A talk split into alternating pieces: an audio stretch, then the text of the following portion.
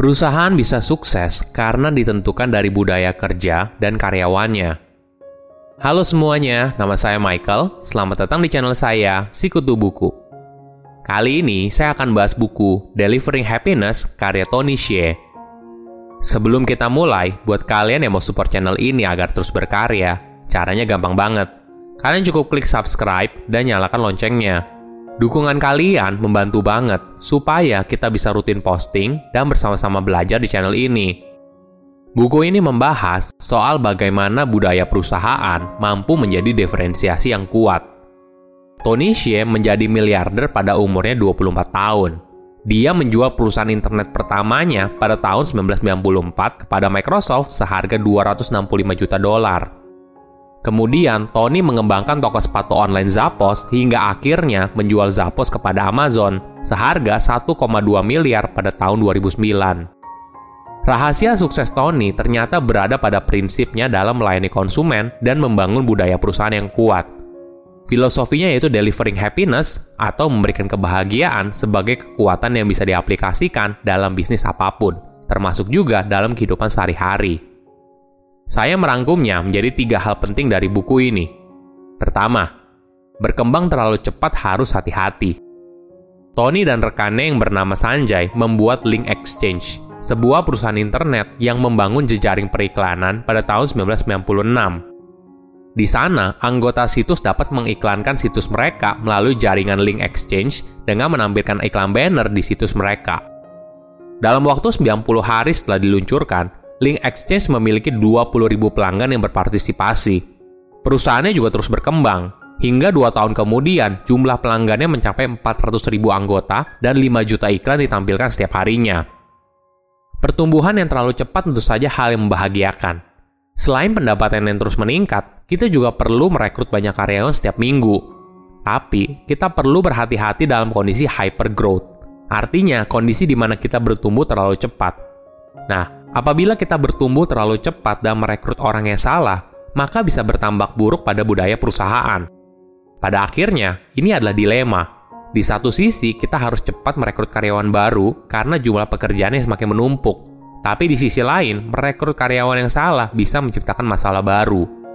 Oleh karena itu, kita harus tetap hati-hati dalam merekrut karyawan, walaupun kita sangat membutuhkan karyawan baru kita juga harus bisa memastikan kalau setiap karyawan memiliki visi yang sama dengan kamu dan mau menjadi bagian dalam perusahaan yang kamu bangun.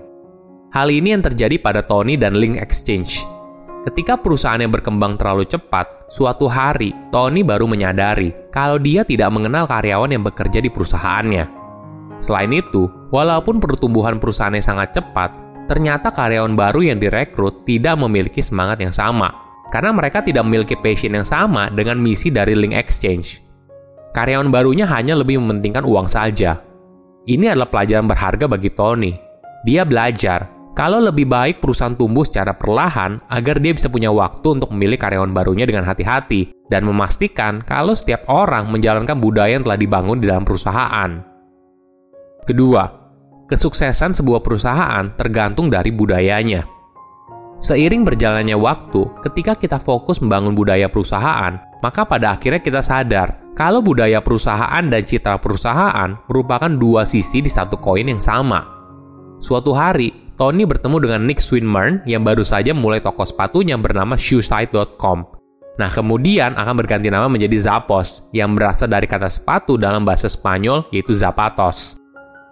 Awalnya Tony tidak begitu aktif dalam mengembangkan Zappos, karena posisinya hanya sebagai investor. Namun ketika kondisi keuangan Zappos tidak begitu baik, Tony memutuskan untuk mengambil peran yang lebih besar, hingga akhirnya dia menjadi CEO dari Zappos. Pada tahun 2003, kondisi saat itu sangat sulit, karena Amerika Serikat mengalami krisis dot-com bubble pada tahun 2001 dan 2002. Tony dan timnya memutuskan untuk membuat pelayanan konsumen sebagai prioritas utama. Ini bukan hanya omongan belaka. Tony pun mengubah model bisnis Zappos yang dulunya menggunakan sistem dropship, kemudian memiliki gudang sendiri. Hal ini disebabkan partner bisnis logistiknya tidak mampu memberikan pelayanan yang baik secara konsisten. Langkah ini cukup drastis dan butuh komitmen investasi yang besar. Bahkan, Tony sampai menjual harta terakhirnya, yaitu rumah yang dia miliki, dan menggunakan uangnya untuk berinvestasi di Zappos. Saat itu Tony mendapat pelajaran berharga. Kalau kita tidak boleh mengoutsource keahlian utama kita. Kamu bisa memutuskan untuk outsource banyak hal, tapi tidak bisa semuanya. Tony menekankan strategi utama Zappos adalah word of mouth. Bagaimana seorang konsumen yang bahagia kemudian merekomendasikan Zappos kepada orang lain. Zappos tidak berusaha untuk jadi toko sepatu online termurah, bukan juga soal toko yang menjual sepatu unik. Tony memilih fokus pada satu hal yang membuat Zappos berbeda, yaitu menjadi yang terbaik dalam hal pelayanan konsumen. Misalnya, pembeli dapat memilih pengiriman one night service secara gratis. Zappos juga menggunakan layanan konsumennya pada masa itu untuk membangun hubungan yang erat dengan konsumennya dan memenuhi kebutuhan yang mereka inginkan. Ketiga, semua dimulai dari karyawan yang bahagia. Tadi di awal kita sudah bahas kalau budaya perusahaan sangat menentukan sukses atau tidaknya sebuah perusahaan. Budaya karyawan yang baik hanya bisa terjadi ketika kamu memperlakukan karyawan kamu dengan baik. Karyawan yang bahagia akan bersemangat atas apa yang mereka lakukan dan akhirnya mampu memberikan pelayanan yang baik bagi konsumen. Bukan hanya memperlakukan mereka dengan baik, budaya kerja di Zappos selalu mendukung karyawan untuk terus bertumbuh Zappos selalu mendorong karyawannya dengan tantangan bisnis yang baru dan kesempatan untuk bertumbuh. Melalui hal ini, Zappos memberikan karyawannya kesempatan untuk naik ke jenjang karir yang lebih tinggi. Sebagai contoh, petugas layanan konsumen memiliki daftar keahlian yang harus mereka kuasai dalam program pipeline. Ini adalah program yang menarik. Jadi, ini adalah program selama 7 tahun yang bisa membuat siapa pun dari level call center hingga masuk ke manajemen senior. Setiap kali mereka berhasil mempelajari kompetensi baru, maka mereka akan mendapatkan sedikit kenaikan gaji. Zappos memberikan promosi dalam jangka waktu yang relatif pendek, yaitu 6 bulan. Jadi karyawan bisa mengukur kemampuan dirinya dan memiliki semangat untuk mengejar apa yang diinginkan oleh perusahaan. Filosofi Zappos adalah mereka selalu mendorong karyawan untuk selalu mengambil setiap peluang yang diberikan oleh perusahaan. Dalam menjalankan bisnisnya, Tony memiliki visi dalam dua kata, yaitu delivering happiness memberikan kebahagiaan bukan hanya bagi konsumennya, tapi juga bagi karyawannya. Ada tiga kerangka kebahagiaan yang dia miliki. Pertama, karyawan bertanggung jawab atas karirnya sendiri.